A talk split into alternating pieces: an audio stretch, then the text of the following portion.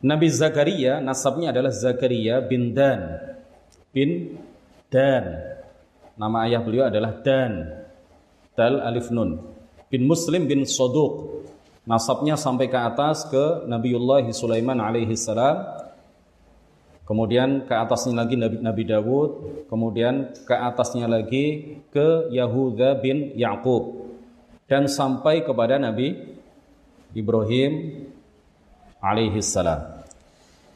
Beliau diutus oleh Allah Subhanahu wa taala kepada Bani Israel. Beliau mengajak mereka untuk memeluk agama Islam, beribadah hanya kepada Allah Subhanahu wa taala dan tidak menyekutukan Allah dengan sesuatu apa pun. Sebagaimana kita tahu bahwa semua nabi, semua rasul diutus dan diperintahkan oleh Allah Subhanahu wa taala untuk mengajak umatnya masing-masing beribadah hanya kepada Allah Subhanahu wa taala dan menyerukan agama Islam kepada masing-masing dari umat para nabi itu. Semua nabi, semua rasul datang dengan membawa agama yang sama, yaitu agama Islam, termasuk Nabi Zakaria. Nah, Palestina Ketika itu dikuasai oleh seorang raja yang zalim yang bernama Hirudas. Siapa namanya? Hirudas.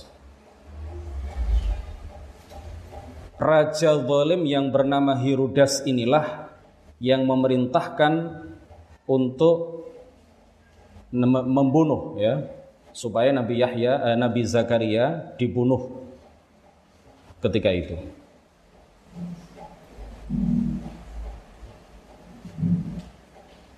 Ah, sebentar. Ya, ini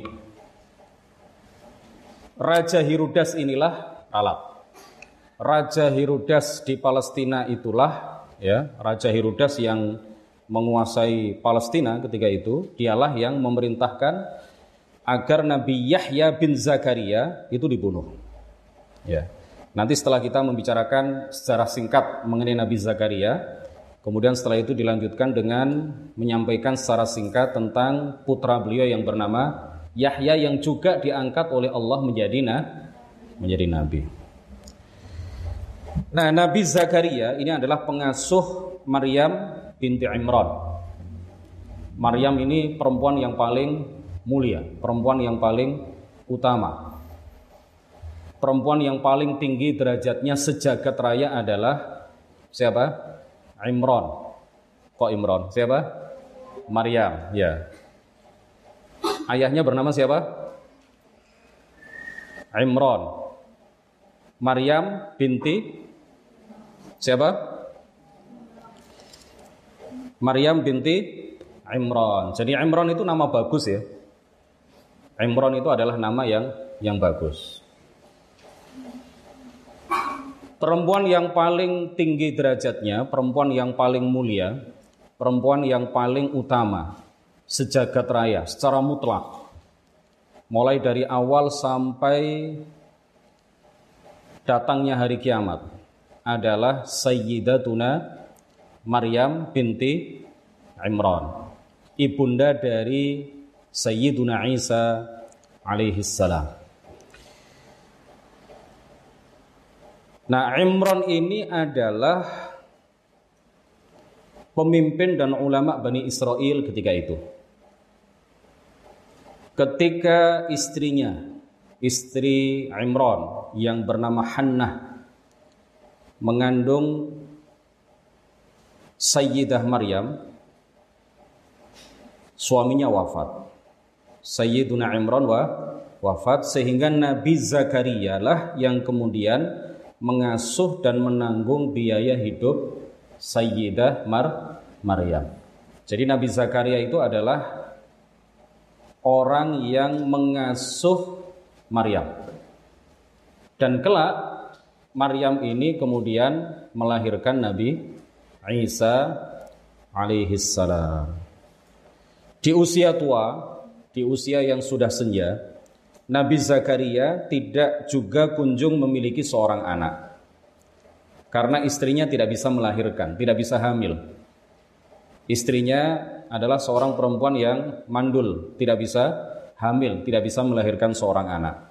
Karena itulah beliau berdoa kepada Allah dan doanya ini disebutkan di dalam Al-Qur'an. Hunalika da'a Zakaria rabbah qala rabbi habli min ladunka dzurriyyatan thayyibah innaka sami'ud du'a. Ini doa Nabi Zakaria ketika beliau sudah tua tetapi tidak juga kunjung diberi anak oleh Allah Subhanahu wa taala.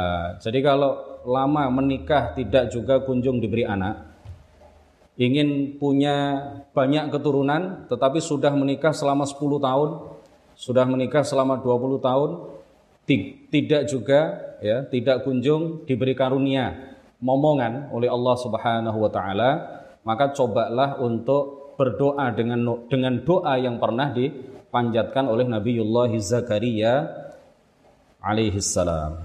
Apa doanya tadi? Rabbi habli min ladunka dzurriyyatan thayyibah innaka sami'ud du'a. Surat Al-Imran ayat 38. Ayat Al-Imran ayat surat Al-Imran ayat 30 38. Allah kemudian mengabulkan doa beliau dan memberinya rizki seorang anak yang soleh yang kemudian diberi nama Yahya. Nabi Zakaria wafat dibunuh oleh orang-orang Yahudi yang jahat. Nah, wafatnya ini sangat mengenaskan. Beliau dikejar-kejar oleh orang Yahudi, lalu beliau berlindung di dalam sebuah pohon. Sebenarnya orang-orang yang mengejar beliau itu tidak mengetahui keberadaan beliau di dalam pohon itu. Tapi kemudian iblis memberitahukan keberadaan beliau kepada orang-orang Yahudi yang mengejar beliau. Dan pada akhirnya orang-orang Yahudi yang mengejar beliau tahu di mana beliau bersembunyi, yaitu di dalam pohon itu, lalu pohon itu digergaji. Jadi tempat di mana Nabi Zakaria berlindung, yaitu pohon, itu kemudian di, digergaji. Sak Nabi Zakaria ini yang ada di dalam pohon itu kemudian ikut tergergaji. Jadi beliau wafat dalam keadaan digergaji oleh orang-orang Yahudi yang zalim yang membunuh beliau. Nah ini sebagai contoh bahwa orang yang derajatnya tinggi itu akan semakin tinggi pula musibah yang Allah timpakan kepadanya. Semakin tinggi derajat seseorang, maka semakin berat, semakin banyak, semakin besar musibah yang Allah timpakan kepadanya. Nabi Zakaria mati dalam keadaan digergaji. Nabi Yahya nanti akan kita ceritakan beliau mati dalam keadaan dipenggal lehernya. Terpisah antara kepala dan badannya. Nabi Ayub sakit selama 18 tahun. Sakit yang luar biasa parah. Sakit yang luar biasa akut ya. Tetapi tidak dijelaskan sakit beliau seperti apa. Yang jelas tidak sampai keluar ulat dari dalam tubuh beliau.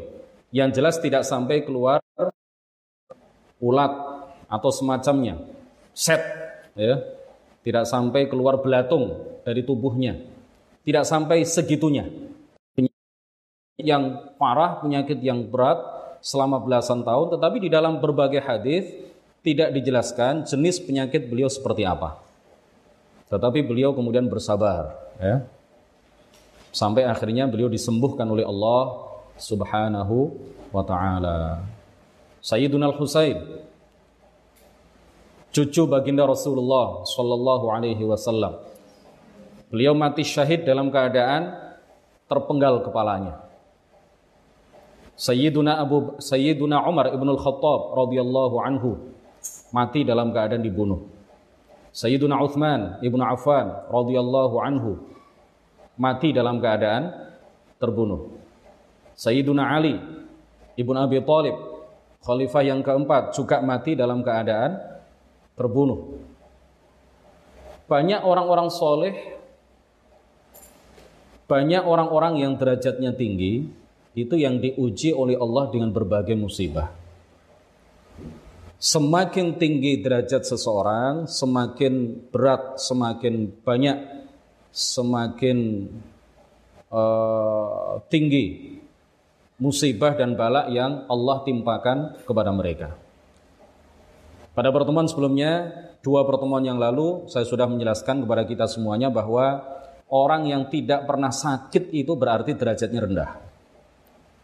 Orang yang tidak pernah pusing, orang yang tidak pernah sakit kepala, orang yang tidak pernah flu, itu artinya dia berderajat rendah. Firaun itu sakit kepala saja nggak pernah, flu saja nggak pernah, sakit pening biasa nggak pernah, ya. Yang dibawa sakit kepala apa namanya? Ya. Sakit sekecil apa pun Firaun itu nggak pernah. Itu artinya apa? Firaun ini adalah orang yang derajatnya rendah. Jadi musib setiap musibah yang Allah timpakan kepada kita itu akan melebur dosa-dosa kita. Sampai ketika seseorang terkena duri kecocok duri tertusuk duri itu adalah musibah yang akan melebur dosanya. Itu adalah musibah yang akan menggugurkan, merontokkan dosa-dosanya kalau dihadapi dengan sikap sabar. Kalau dosa-dosa sudah tergugurkan semuanya dengan berbagai musibah yang Allah timpakan kepada kita, maka setelah itu musibah yang Allah timpakan kepada kita akan meninggikan derajat derajat kita.